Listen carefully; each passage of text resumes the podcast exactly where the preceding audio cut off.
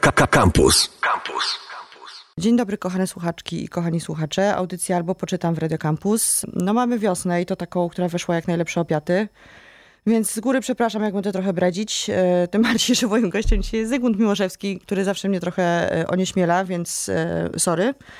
Porozmawiamy dzisiaj nie o książkach Zygmunta, tylko o Unii Literackiej i o tym, co robi. Zygmunt się zmartwił. Tylko o tym, co robi e, poza pisaniem książek, bo wydaje mi się to być ciekawe, a pewnie nie wszyscy z was o tym wiedzą. Także dzień dobry, Zygmunt. Dzień dobry. Czemu się zmartwiłeś, że nie będziemy rozmawiać o twoich książkach? Nie, nie, nie, oczywiście się nie zmartwiłem. To jest um, też to, to, nie jest tak, że ja chcę cały czas rozmawiać o swoich książkach. E, nie jesteś znam, znam swoje książki i rozmawiam o nich wtedy, kiedy muszę ale tak naprawdę chętnie rozmawiam o cudzych książkach, które znacznie bardziej mnie interesują jako, jako czytelnika, ponieważ czytanie jest znacznie, mm, znacznie przyjemniejsze niż, niż pisanie. A ja chciałam powiedzieć takim e, słowem wstępu i bajarstwa, że e, Zygmunt oprócz tego, że jest e, jednym z najbardziej poczytnych pisarzy w Polsce i już nie tylko pisarzy kryminałów, bo to chyba już powoli się zaczyna wyzwalać z tej, nie wiem jak to ładnie powiedzieć, niewoli, znaczy, niewoli gatunku. Biorąc, biorąc pod uwagę, że rok temu się okazało w Polsce około 400 kryminałów polskich autorów, na pewno nie o. można użyć słowa nisza. tak, zdecydowanie. E, ale z konwencji też trochę uciekasz powoli. Tak, tak, tak, zdecydowanie. Znaczy, jakby sam fakt, że ukazało się 400 kryminałów polskich e, w zeszłym roku jest e, najlepszym dowodem na to, że trzeba uciekać z, z gatunku i gdzieś trochę uciekać do przodu i szukać sobie nowych dróg. Też dlatego, że myślę, że każda, każda pisarka, każdy pisarz mają no, umiarkowaną ilość książek, które napiszą w życiu.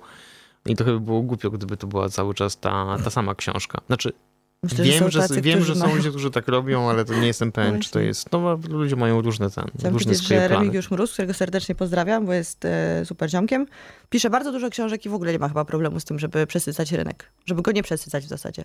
Na pewno idzie prościej niż mi. E, no dobrze, ja... więc jesteś e, pisarzem e, nie kryminałów, nie tylko kryminałów.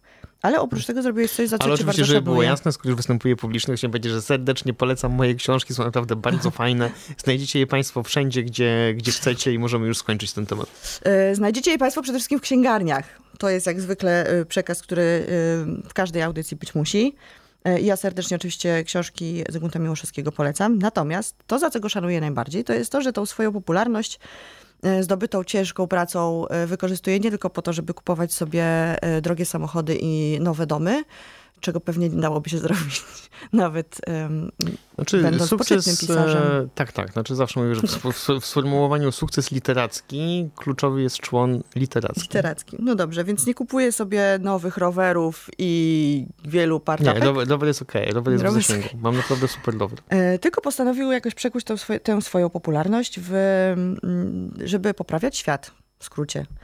E, I podczas pierwszej fali, bo już nawet nie wiem, jak o tym mówić, na początku pandemii. Za pierwszej pandemii. Za pierwszej pandemii panowania. E, razem z grupą pisarzy, pisarek e, utworzyli coś, co się nazywa Unia Literacka. I uznałam, że pewnie wielu z was zna książki Zygmunta i, i wie, że jest pisarzem, ale niewielu z was wie, że jeszcze dodatkowo pracuje jako społecznik w Unii Literackiej. Jako działacz społeczny. Jako tak, tak. Ja, to mam, nawet mam funkcję. Nie, dlaczego? Ja uważam, że działacz społeczny to jest super słowo.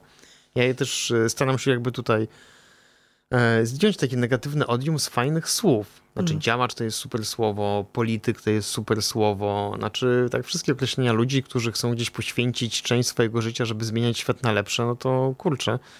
Nie ma co tutaj mówić ha, ha, ha, działacz, działacz, ha, ha, ha, polityk, polityk. Wszyscy są tacy sami. No skoro wierzymy, że wszyscy są tacy sami, to wtedy wszyscy stają się tacy sami. E, to prawda, znaczy to jest tak, że Unia nie powstała za pierwszej pandemii. Unia powstała tam 2 czy 3, 2 czy 3 lata temu. Mhm. Kiedy uznaliśmy, że trochę nam brakuje stowarzyszenia branżowego, które byłoby takie faktycznie bardzo zawodowe. No bo istnieją różne stowarzyszenia literackie. Mm, no, tylko uznaliśmy, że z całym szacunkiem dla tego, co robią, że trochę mniej nas interesują jubileusze członków i celebrowanie tomików poetyckich no tylko interesują nas umowy, interesują nas pieniądze, interesuje nas prawo, interesuje nas to, żeby po prostu jako środowisko mieć też swój głos. Mhm. Bo to jest ważne. Także cała ta działalność jest absurdalnie wręcz samotnicza, jednoosobowa. Mm, siedzisz sama gdzieś e, w gabinecie, albo w jakimś pokoiku, albo gdziekolwiek, no i, i wiesz, i potem, i to jest też słabość, tak? i potem jak ktoś mówi, ok, to spytajmy się, co o tym sądzą pisarze, to trochę nie ma się kogo, nie ma się kogo spytać. I okazało się, że to jest ważne, żeby mhm. tak, żeby literatura miała swój głos. I my w ogóle współpracujemy i ze Stowarzyszeniem Pisarzy Polskich, i ze Stowarzyszeniem Tłumaczy Literatury. I nagle się okazało, że jesteśmy i w, w Radzie Kultury przy, przy różnych prezydentach i prezydentkach miast, że lobbujemy przy, w, ministerstwie, w Ministerstwie Kultury, że jesteśmy też głosem pisarzy w takich różnych działaniach pandemicznych, tych wszystkich tarczach, pomocach i tak dalej. Chociaż tutaj, żeby było jasne, no literatura jakoś tak dość suchą nogą przeszła przez, mhm. e, przechodzi przez, przez pandemię. Mm, nie do końca, ale to o tym mogę powiedzieć później. Czyli okazało się, że to jest fajne, tak? I, i, i to, co mówisz, że czemu to robimy, no to to jest tak, że ja zawsze tutaj przywołuję swojego ulubionego filozofa, czyli wujka, wujka Bena ze Spidermana. Ponieważ wujek Ben ze Spidermana tłumaczył Peterowi, że mm, razem z wielką mocą, że wielkiej mocy towarzyszy wielka odpowiedzialność. No i faktycznie ja też w to wierzę jako stary lewak, że jak już coś, czegoś się dorobiła i że masz i spokój finansowy i masz głos, który jest słyszalny, jesteś osobą publiczną, no to gdzieś twoim obowiązkiem jest gdzieś spłacić ten dług zaciągnięty mhm. u społeczeństwa i, i, się, i się udzielać. Ja wiem, że jest tak, że, że pisarstwo jest e, samotniczym zajęciem i to jest zresztą napisane u was na stronie, to mi się bardzo podoba ten, to, to sformułowanie. Natomiast w Polsce zaczęło się powoli chyba robić coś takiego, że, że jest takich, taka garść pisarzy, bo to nie jest, oczywiście nie idzie w dziesiątki, ani tym bardziej setki, ale jest kilku takich pisarzy, którzy faktycznie już ten głos mają. E, I ja pamiętam, że i pisarek również. Ja pamiętam, że jak się zaczęły strajki kobiet, to zrobiłam taki e, reality check i przeszłam się po Instagramach e, różnych pisarek znanych i pisarzy i sprawdziłam, kto w ogóle za, zabrał głos w sprawie i cokolwiek napisał.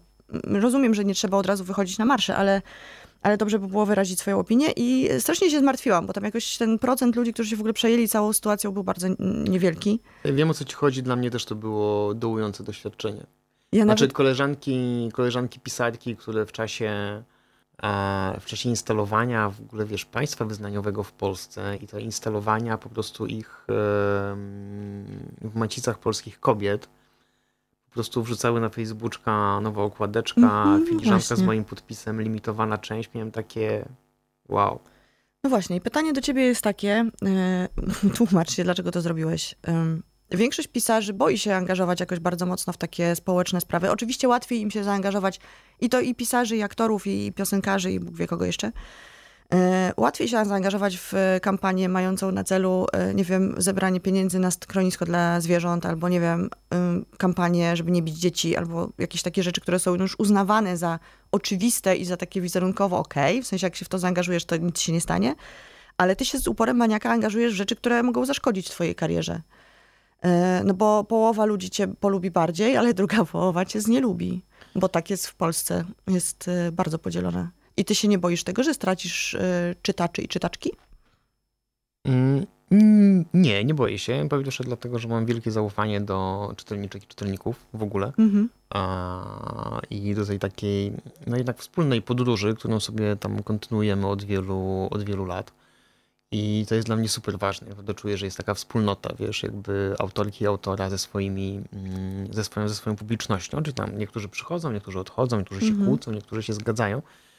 Ale jednak uważam, że ogólnie środowisko czytelniczych i czytelników jest środowiskiem jakby bardzo takim, wiesz, mogą mieć różne poglądy, ale są otwarci na dyskusję, na poznawanie innych poglądów, że to, że ładujesz sobie cały czas te E, różne życiorysy i różne poglądy do głowy, nie pozwalać się zamknąć tylko w jednym, jedynym, mm, jednym, jedynym słusznym, tak? Mhm. Patrz trochę szerzej, patrz trochę szerzej. Mhm. Pozdrawiamy Łonę. Mm, tak jest. O, zawsze. Z miłością mm. największą. I to jest, wiesz, także dlatego ja się tego nie boję, szczególnie, że rozumiesz, że jak, jak masz taki, jak ja mówię, jak masz głos, nie? Bo nie wiem, osiągnąłeś coś tak e, no, w sztuce i ktoś ciebie słucha, no to kurczę, ten głos trzeba wykorzystywać w obronie rzeczy, o które, o które wierzysz.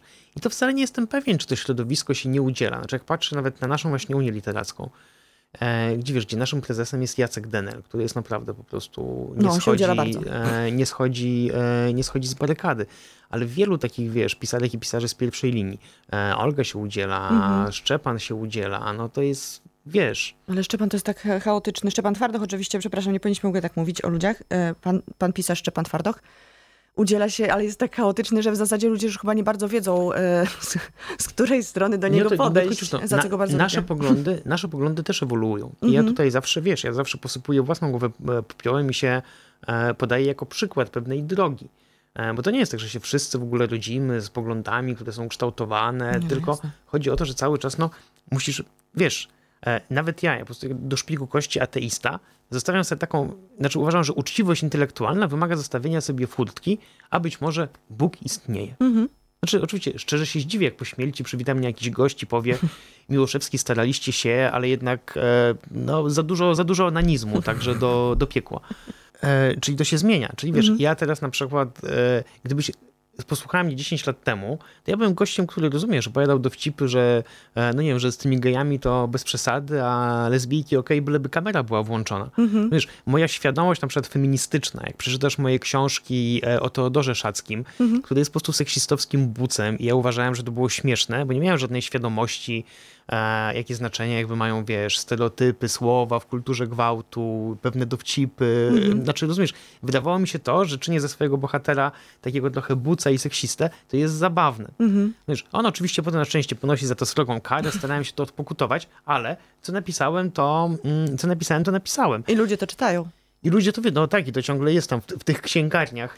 No właśnie, bo mm, ostatnio moja I przyjaciółka ludzie... napisała mi, e, przepraszam, że taki wtrend, ale napisała do mnie, że czyta właśnie twoją książkę i że nie odróżniasz e, transwestyty od e, transseksualisty i geja. I napisała, że jak się z tobą zobaczę, to mam ci to powiedzieć, więc Słuchaj, wytykam ci ponieważ, publicznie ten błąd. Ale to było dawno temu, nikt nie miał świadomości za bardzo, ponieważ, co się ponieważ dawno, przecież. Ponieważ dawno temu nie, nie rozróżniałem. Mm. Mimo, że ci ludzie, tak, ci ludzie nie pojawili się wczoraj, mm -hmm. tak? Znaczy ci ludzie tak samo istnieli kilka lat temu, kilkanaście lat temu i mieli swoje problemy i tych problemów E, nie rozumieli nawet ludzie, którzy dziś są bardziej dokształceni. Co w ogóle jest takim wnioskiem optymistycznym, nie? Mhm. Polecamy tutaj e, Factfulness Hansa Roslinga, że jest lepiej, jest gorzej, ale jednak wektor jest taki, wiesz, rozwojowy, e, rozwojowy i, i, progresywny i to jest mhm. ok. I odpowiadając na twoje pytanie, no gdzieś uważam, że jeśli masz tą moc, masz e, głos i co też jest przywilejem, nie? Czyli e, ja jestem uprzywilejowany. Jestem białym, heteroseksualnym facetem, jestem stosunkowo zamożny, odniosłem e, sukces w sztuce i mógłbym powiedzieć, mam to gdzieś. Mhm. Wspaniale. Emigracja wewnętrzna, jacht, rower, mhm. las, namiot, rozumiesz, spokój i mhm. patrzenie w dal. Ale ja mówię właśnie, że nie że tym bardziej jak jesteś uprzywilejowana, to twoim obowiązkiem jest się napieprzać w imieniu tych, którzy nie są uprzywilejowani. Ostatnio prawica się pewnie przejechała, bo powiedziałem, że mój e, status e, majątkowy daje mi możliwość wykupienia się odpisu. Mhm. Rozumiesz? Czyli jak e, e, jestem z dużego miasta, jak, uznał, że w szkole mojego dziecka jest za dużo Jana Pawła II i po prostu chłopak, dziewczyna, normalna rodzina, mhm. to dziecka przyniosę do prywatnej szkoły albo do takiej, która Możesz jest stać się na to, żeby stworzyć świecka. bańkę wokół siebie. Dokładnie. Mhm. Rozumiesz, tak samo jeśli, e, jeśli powiedzmy moja żona albo córka byłyby w niechcianej ciąży, to ja też mam pieniądze, żeby je, wiesz, mhm. żeby, żeby zabrać je gdzieś, gdzie ten zabieg zostanie przeprowadzony bez potrzeby wcześniejszej rozmowy w szpitalu pod wezwaniem przemienienia pońskiego w mhm. sali imienia świętego Jana Pawła II z księdzem i profesorem Hazanem, co to tak naprawdę znaczy. Znaczy w ogóle stać mnie na to, żeby się uwolnić od państwa wyznaniowego. A mimo to będę się napieprzał do e, po prostu e, utraty tchu z państwem wyznaniowym w imieniu tych, którzy tego wyboru nie mają. No właśnie, bo nie zapominajmy o tym, że e, Unia Literacka e, zrzesza osoby, które e, i takimi najgłośniejszymi działaczami i działaczkami są osoby, które już odniosły ten sukces i mogą sobie pozwolić na to, żeby mówić w imieniu tych pisarzy i pisarek i poetów i poetek i tłumaczy i jakby całej rzeszy którzy tych pieniędzy no, no, nie mają, no, no, a, a początkujący jasne, tak, pisarz bo, bo, bo, w Polsce jest bo, na przegranej pozycji trochę, wiesz, ja, ja potrafię wynegocjować sobie umowę. Mhm. E, mam, bo się tego uczyłem przez wiele lat na własnych błędach, jak negocjować umowę na adaptacje, na książki i tak dalej. No i głupio byłoby, żeby ta, wiesz, cała wiedza po prostu, jak to mówi moja córka, trumna nie ma kieszeni, no. Mhm. Znaczy, wiesz, po to zdobyliśmy tą, e, po to zdobyliśmy tę wiedzę, a jesteśmy gdzieś pokoleniem, które startowało no, w zdecydowanej większości po 1989 roku, kiedy jakby artyści nie, artyści nie mieli żadnej osłony, nie mieli żadnych rozwiązań dedykowanych, e, to, co istniało za PRL-u zostało oczywiście zlikwidowane jako złe i wiesz, mhm. i, e, i komunistyczne. No i kurczę, tym bardziej musimy mieć organizację, która jakby przekaże tę wiedzę młodszym koleżankom, młodszym kolegom, no, staramy się. No. Pamiętam, że kiedyś rozmawialiśmy już, na, nie, nie pamiętam przy jakiej okazji, o tym, że jak w Polsce wychodzi książka młodego pisarza czy młodej pisarki, którzy przecież tych pieniędzy nie mają. Znaczy jakby tacy, którzy y, mają właśnie te przywileje, na przykład urodzili się w bogatym domu, albo nie wiem, y, tak jak kiedyś ostatnio rozmawialiśmy z y, chmielarzem, który powiedział, że on od początku miał dobrą pracę. W sensie najpierw był dziennikarzem i zarabiał jeszcze wtedy jako dziennikarz pieniądze, a potem zaczął pisać i to była naturalna kolej rzeczy. No ale pamiętam, że mnie ostatnio mocno zbulwersował blerb Jacka Denera właśnie, tego wrażliwego na sytuację społeczną człowieka, E, który na, e, w blerbie do książki Niż mm, Maćka Topolskiego napisał, że e, grupa osób pracujących fizycznie i grupa osób posiadających talent literacki i zdolności pisania to są dwie grupy rozdzielne i bardzo rzadko to się pokrywa. I bardzo chętnie zadałabym mu pytanie, jak uważa, z czego utrzymują się początkujący pisarze i pisarki, bo jakby cała historia literatury mówi nam, że albo przerzucają gnój na farmie, jak pracują, jak są ze Stanów, albo u nas pracują właśnie w gastronomii, nie wiem, jako bileterzy w kinach, e, ankieterzy e, i tak dalej.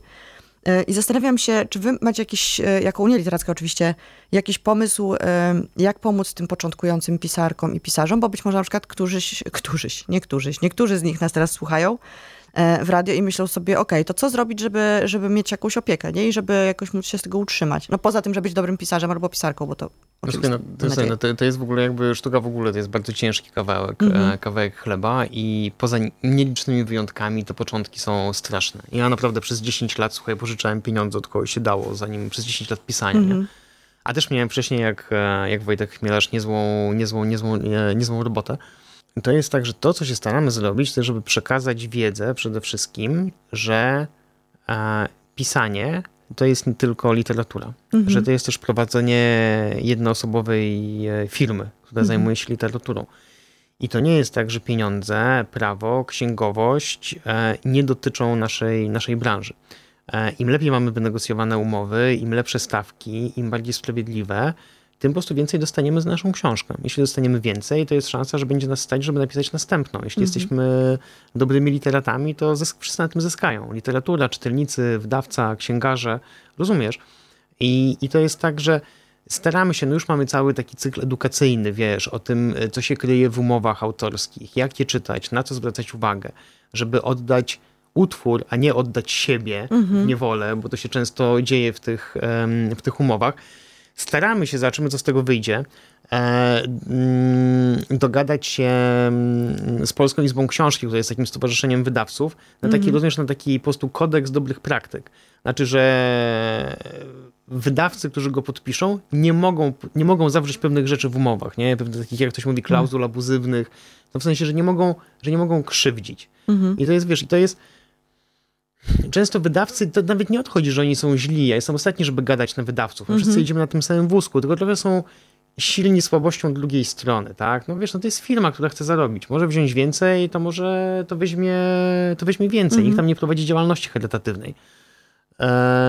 I to jest tak, że często autorzy, autorki popełniają taki błąd, że mówią, no tak, że wydawca jest moim przyjacielem, wydawca mm -hmm. tutaj pewnie tak nie zrobił. Dzięki niemu zaistniałem. Dzięki, dzięki niemu takie... zaistniałem. Mm. Znaczy, I jakby namawiamy właśnie początkujących ludzi, żeby, żeby w tej bardzo po prostu takiej emocjonalnej pracy i takiej naprawdę, mm, wiesz, to jest ciężkie wywlekanie ze swojej głowy tych różnych nieistniejących emocji, nieistniejących ludzi, tak żeby ktoś się tym przejął żeby mieć taki bufor na to, że jest moment, kiedy po prostu zamieniamy się w twardego biznesmena. Mhm. I że mhm. możemy to tak zrobić, że i my będziemy zadowoleni, i wydawca będzie zadowolony, i ewentualny producent filmowy czy teatralny.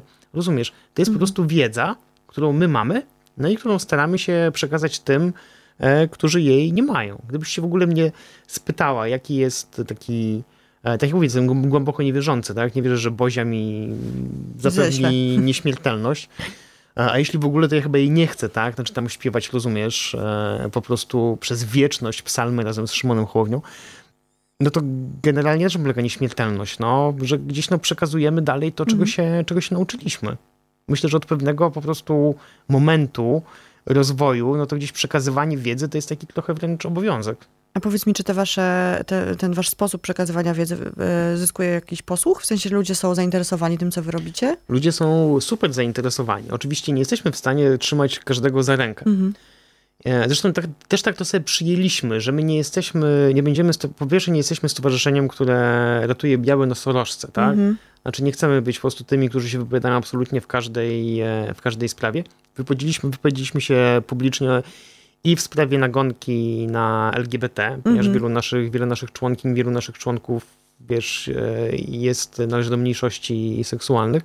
I tak samo jak się wypowiedzieliśmy w sprawie wojny wypowiedzianej, wypowiedzianej kobietom. Ale poza tym też jakby nie ratujemy białych nosorożców i mm, no, nie zajmujemy się konkretnymi przypadkami. Mhm. Znaczy, to nie jest tak, że po prostu jak pan Iksiński do nas napisze, żeby mu pomóc wynegocjować umowę z wydawcą, znaczy skończy to się tak, że i tak udzielę konsultacji telefonicznej, mhm no ale tym się nie zajmujemy. Raczej staramy się, wiesz, po prostu tworzyć, tworzyć taką bazę wiedzy, która pomoże każdemu, kto zechce z niej skorzystać. A jak nie chce, bo wydawca jest jego przyjacielem, no to wiesz, jakkolwiek uważam, że to jest też nieodpowiedzialne, bo to psuje rynek, rozumiesz? No właśnie nad tym się zastanawiałam, że pamiętam, nie wiem już ile to było lat temu, jak Szczepan Twardych już wspominany dzisiaj e, trochę rozbił e, bańkę, biorąc pieniądze, nawet nie, nieważne, zostając ambasadorem e, marki samochodów, E, I wtedy po prostu to, co się wydarzyło w Polsce, było, ja w ogóle to siedziła, śledziłam z popcornem e, i z wypiekami na twarzy, bo nagle się okazało, że pisarz, czy, czy pisarka, czy w ogóle twórca w Polsce nie ma prawa mieć pieniędzy z tego, co robi. On musi być biedny, przymierać głodem, e, chodzić w dziurowym swetrze, a jak ma czelność złamać ten stereotyp, to od razu jest po prostu gorszym pisarzem, raczej nie dostanie żadnej liczącej się nagrody, no bo już jakby ma pieniądze. W sensie takie jest założenie oczywiście, bo to bzdura. E, I zastanawiam się, czy, czy to, to nie jest tak, że ten mit tego, e, że najbardziej płodny jest artysta głodny, e, cały czas nie pokotuje w tych młodych pokoleniach, które zabrzmiało u tych debiutujących pisarek i pisarzy, którzy po prostu nie chcą tak naprawdę być twardymi biznesmenami, bo to, co ich drive'uje i to, co nimi kieruje, to jest po prostu czysta sztuka i strumień po prostu od, właśnie od Boga, czy nie wiem, skądś tam z niebios e, przez nich płynący i czy oni się nie buntują przeciwko temu, co wy mówicie trochę. Ale wiesz, to, to, to, to jest tak, że to jest tak, że nie jesteśmy ani za zakazem, ani za mhm. nakazem, nie? Po prostu dajemy jakieś narzędzia i kto chce, do z nich skorzysta. Jak ktoś chce stworzyć czystą sztukę z klubieniem świadomości, ma gdzieś to, co ma zapisane w umowie, no to okej, okay, no rozumiesz. Znaczy gdzieś, tak jak mówię, uważam, że to jest cokolwiek nieodpowiedzialne, no bo jakby podpisując złe umowy, psujesz rynek. Jeśli masz dobre nazwisko i podpisujesz złe umowy, no to już w ogóle psujesz rynek, bo wtedy wydawca mówi, no ale jak to, co pan tutaj tam... Mhm. Karczuk podpisała, a jeszcze się uśmiechała, nie? Tak, no właśnie. Mm, i, I to wiesz, a jeśli chodzi, a jeśli chodzi o po prostu Mercedesa Szczepana, no to ja mógłbym mieć e, po prostu koszulkę z hashtagiem e, broniłem Szczepana, no bo faktycznie, no, kto ma mieć na Boga kontrakt reklamowy z Mercedesem, jak nie Szczepan Twardo? Po prostu aktor, który zagrał dwa epizody po prostu na wspólnej, mhm. czy po prostu utalentowany, dobry pisarz, który pisze, rozumiesz, super książki tłumaczone na wiele, na wiele języków, nagradzany, uznany, no kurczę, to właśnie Szczepan Twardoch ma mieć kontrakty reklamowe. Znaczy ja się z tym absolutnie zgadzam i e, pamiętam jak w, chyba tak z dzień czy dwa dni później napisał do mnie e, Łukasz Orbitowski i spytał, czy uważam, że to zaszkodzi karierze Twardocha i powiedziałem, że tak, ale nie zaszkodzi czytelnictwu jego książek, tylko zaszkodzi jemu jako pisarzowi poważnej literatury, bo nie będzie poważnie traktowany przez środowisko, które jest wszystkim e, znaczy, i no, niczym jest okropne tak naprawdę. Nie, ale... to, to, środowisko też jest przereklamowane. Tak jak mówię, to, no, to jest super samotnicza, wiesz, to jest -hmm. super e, samotnicza branża niewiele tutaj zależy od środowiska. Serio. A nagrody? Nie, ale, no, ale co nagrody? No rozumiesz, ile może dostać nagród po prostu Szczepan Twardo, których, no których już nie dostał, tak? No bo rozumiem, że już tam zgarnął, wie, że znaczy, zgarnął. ja wiem, właśnie dużo nie zgarnął, tak szczerze powiedziawszy. To? Tych nagród powinien więcej zgarnąć. Szczepan tych nagród nie potrzebuje. Znaczy okej, okay, no fajnie oczywiście zabłysnąć, rozumiesz, mm. wyjść na scenę i powiedzieć, jaka, jaka, jaka jesteś wspaniała. To jest oczywiście fajne. Też to, mm, też to lubię, tylko że jeśli masz złom renomy w środowisku teatralnym czy filmowym, to może zaszkodzić twojej karierze. -hmm. Nie dostaniesz roli, nie wezmą ci do ekipy, pójdzie szeptanka po, po teatrach, że z tobą się źle, że z tobą się źle mm. pracuje, a w literaturze? Rozumiesz? E, no dobrze, powiedz mi jeszcze jedną rzecz, bo kiedyś, e, kiedyś powiedziałeś coś takiego, że mm, takie, nie chcę powiedzieć, że nachalne promowanie dużych nazwisk w literaturze, ale ten, ta cała machina promocyjna, która ma na celu sprzedanie jeszcze więcej książek Olgi Tokarczuk, albo jeszcze więcej książek e, Mroza, albo już nie wiem, Katarzyny Bondy. Albo mnie. albo twoich. Że, to, że tam jest coś generalnie z gruntu niedobrze, bo, bo dobrze by było, żeby ta machina promocyjna i te pieniądze były wykorzystywane po to, żeby kreować nowe talenty literackie, nawet nie kreować, tylko w zasadzie wyciągać te, które są i je promować. E, powiedz mi, czy, ty, czy, czy, wy jako Unia Literacka, szczerze powiedziawszy nie wiem tego, macie jakiś pomysł na to, jak przemówić do rozsądku marketingowcom? Mamy, e... znaczy w ogóle zrobiliśmy się od tego od innej strony, bo znaczy to jest tak, to nie jest tak, że, że, że w ogóle e, wydawanie książek, że to jest jakiś super, po prostu też prosty, prosty, no, prosty, prosty biznes, nie? Mhm. E, I to jest tak, że mm, Dziś uważam, że dobrą praktyką jest to, że oczywiście każdy, każdy wydawca ma swoje lokomotywy i po prostu wiesz, no i po prostu te lokomotywy płacą im rachunki, płacą pensje ich e, pracownikom, jakby do dobrych praktyk należy to, że wydajesz, rozumiesz, takiego, nie wiem, szmilusa jak mnie, mm -hmm. po to, żeby wydawać, e, po to, żeby wydawać też dobre rzeczy, nie? Mm -hmm. Czyli, nie wiem, czyli Miłoszewski nam zapłaci rachunki, ale za to wydamy po prostu, nie wiem, zytę ludzką, mm -hmm. tak? I która nam może dostanie jakąś nagrodę i w ogóle to jest fajna literatura, która powinna się, która powinna się ukazać, a kto wie, może też się, może też się sprzeda. Mm, no i oczywiście jest problem, tak, że niektórzy wydawcy są na tyle odpowiedzialni, żeby tak myśleć, a niektórzy zaczęli myśleć tylko już, wiesz, e, tym, czy coś się w Excelu wyświetla na zielono, czy, czy na czerwono, ale naprawdę to nie jest tak, że to jest większość wydawców, mhm. rozumiesz? Znaczy to nie jest tak, że nie ukazują się debiuty, nie jest tak, że nie ukazują się książki, książki ambitne, nie ma tak, że nie powstają nowe wydawnictwa, które wydają fajne rzeczy. E, jest pewien problem mm, z dostępnością, tak? Mhm. I właśnie my próbujemy od tej strony, czyli tutaj e, my zaczęliśmy rozmawiać z swoją ulubioną firmą, czyli z, czyli z Empikiem. Mhm. Ponieważ e, przy całej naszej po prostu miłości do księgarni, do księgarni kameralnych, no to wiesz, tutaj nieraz żeśmy rozmawiali, tak? Mhm. Jest wiele księgarni, które robią wspaniałą robotę, a jest wiele po prostu małych księgarni, które są, wiesz, e, no, są sklepikami z kretkami i z Harrym Potterem, mhm. nie? Mm, I chodzi o to, że nie da się e, po prostu nie zauważyć potęgi Empiku na rynku, na rynku literatury. Mhm. I po prostu próbujemy się z nimi dogadać, że ponieważ tak jak mówię, z wielką mocą idzie wielka odpowiedzialność, żeby i to fajnie wygląda, żeby właśnie Empik jakby zaczął promować nie tylko to, za co dostanie pieniądze od wydawców, tylko że miał jakby taką swoją, rozumiesz, półkę, półkę honorową, mhm. gdzie krytycy by wybierali to, co się tam ukazuje z nowości. To, to, w to... wierzę tak samo mocno jak w Empik, ale e, okay. Słuchaj, znaczy, znaczy też tutaj mm, ja nie jestem, wiesz, mm, okej. Okay, co krytyk to opinia, no. Nie. Może się okazać, że Blanka Lipińska jest świetną wartościową literaturą. Nie, ale chodzi o to, że wiesz, oczywiście, że jest niepowtarzalnym było motem, tam krytyka w Polsce literacka nie istnieje, Trochę nie. Trochę, trochę jej faktycznie nie ma, ale ciągle jest mnóstwo nazwisk i, i starszych, i młodszych. Ci młodsi to są gdzieś, którzy są trochę, wiesz, stali się takimi influencerami mhm. książkowymi. Mm -hmm. Jest, trochę tej starej, jest trochę tej starej gwardii, e, no i to nie jest tak, że ci ludzie nie działają, bo oni są gdzieś, wiesz, w jury, w jury różnych nagród i mm. jednak tam dochodzą do jakichś konsensusów, które tam e, komu tę nagrodę dać, komu, e, komu nie. Tutaj to jest bardziej trochę w formie zabawy, nie? Mhm. Ale chodzi o to, żeby zwrócić na to, żeby zwrócić na to uwagę. No, w sensie, że myślimy, jak to zrobić, zwłaszcza w pandemii, bo w pandemii wydawcy trochę, wiesz, nie wiedzą, co się dzieje, wzięli głęboki oddech, że nie ryzykujemy nie wydajemy książek, na których e, nie zarobimy, nie wydajemy debiutów, e, tylko po prostu pompujemy nasze, nasze, nasze gwiazdy. Nie zgadzam się z tobą oczywiście, jak zwykle, e, bo w, jest mnóstwo wydawnictw, które są małe i niszowe, o których wspomniałeś, które wydają właśnie teraz, Ale chciałem, chciałem, chciałem powiedzieć, że wydawcy wzięli głęboki oddech, ale tu już, już go wypuścili i mhm. znowu jest niestety totalna nadprodukcja literatury. Mimo, I, że nie ma targów, nie wiadomo, wiesz, co bo ponieważ, zrobić z tymi książkami no, Ponieważ cały czas się zastanawiamy, rozumiesz, jak pokazać czytelnikom w tej takiej ogromnej nadprodukcji jakiś fajny drogowskaz. No tak jak mówimy, e, krytyka literacka jest słaba, gdzieś znaczy, wiesz, no, pism, pism, dobra, tylko... pism nie ma, to jest gdzieś tam rozczłonkowane po, po internetach. No zobaczymy. No dobrze, to. Rozumiesz, i, mówimy... i, uważamy, że to jest ważne, tak? Że, przy całej, tak jak mówię, przy całej mm -hmm. naszej miłości do księgarni kameralnych nie zanegujemy tego. Znaczy, uważam, że jest oczywiście miejsce na rynku i tutaj się nie musimy zgadzać. I na empiki w centrach handlowych. Nie, no oczywiście, że I na, jest. rozumiesz, i na po prostu małe księgarnie gdzieś po prostu przy rynku. I jak ta, i, i gdyby te osoby, które wpadają, rozumiesz, yy, wracając, nie wiem, z koszulkami i butami do tego empiku po prezent dla, dla wuja, czy po coś do czytania, to gdyby im wyskakiwały nie tylko najnowsze promocje, ale mhm. też rozumiesz, półka z rzeczami, które są, które są fajne, to gdzieś myślę, że to by było duże zwycięstwo i duża zmiana. Znaczy, jeżeli to się uda, to yy, stawiam, bo szczerze w to nie wierzę, ale mam nadzieję, że tak będzie. Dobra, to teraz jak już powiedzieliśmy o tym, że warto promować dobrą literaturę, to muszę ci zadać pytanie, yy, co czytać teraz? Co czytasz? Co teraz ty czytasz i co polecasz, żeby czytać? A, co ja teraz, tak, co tak, ja teraz czytam? Dobrze. Tak. No Bo są, zakładam, że to są dobre rzeczy. No wiesz, no ja czytam dużo i nie wszystkie rzeczy ten. To powiedz e, Nie wszystkie rzeczy są dobre. Ja teraz, ponieważ jestem trochę wchodzę w fazę pisania, więc czytam dużo rzeczy, które są mi potrzebne do pracy mhm. i to jest dużo fantastyki. E, ponieważ piszę mm, taką książkę, piszę książkę dla dzieci, która jest trochę właśnie taką, wiesz, trochę post-apo, trochę, trochę, trochę dystopią. Mhm. Więc czytam sporo fantastyki, czytałem e, Kroniki Marsjańskie mhm. Raya Bradbarego. Wspaniała rzecz. Wspaniała, ale która się jednak potwornie zestarzała.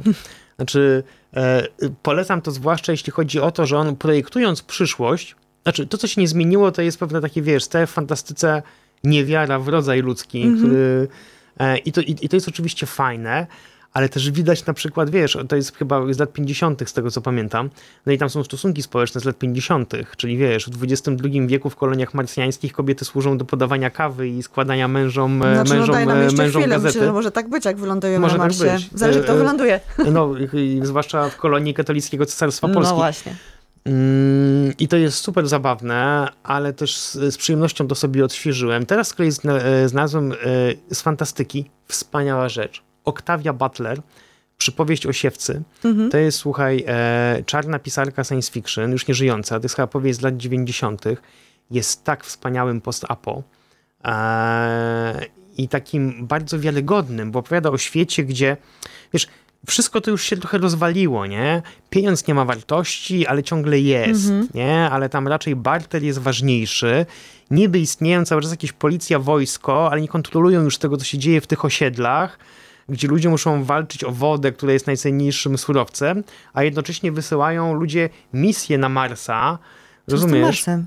No, coś się dzieje. No słuchaj, no coś się, wiesz, coś się dzieje. Jeśli chodzi, ja będąc fanem science fiction, e, no taki mam jakby dwuznaczny stosunek jakby do takich na przykład misji marsjańskich, mhm. rozumiesz? Znaczy e, Mars jest po prostu e, kupą kamieni, która jest bardzo daleko i po prostu stojąc w obliczu być może rychłej zagłady naszej cywilizacji, produkować jakiś kosmiczny ślad y, węglowy, żeby jakiś robocik przysłał czarno-białe zdjęcie za 2 miliardy. Które śledzą wszyscy, wszyscy. Rozumiesz, nie jestem, nie jestem pewien, I, i, I, właśnie Octavia i Butler świetnie to pokazuje, mm -hmm. rozumiesz, że mimo tego, że wszystko się wali, to ciągle ludzie potrzebują takich wielkich projektów i wiesz, i udawania, że to wszystko jest, y, nie wiem, czy to nie jest najlepsze postapo, jakie, jakie, jakie, jakie czytałem. Przypowieść o siewce, Octavia i Butler bardzo też ciekawa z punktu widzenia takiego mm, religijnego. E, a teraz skończyłem czytać też fantastykę. E, Robert e, Heinlein Luna to surowa pani, surowa kochanka, mm, surowa pani. I jest o tym, jak lunatycy próbują wybić, którzy byli od początku taką kolonią karną w stylu Australii, mhm. próbują się wybić na, na niepodległość. Też świetnie pokazuje takie właśnie mechanizmy, mechanizmy rewolucji, mechanizmy wybijania się mhm. na, na niepodległość, e, samostanowienia.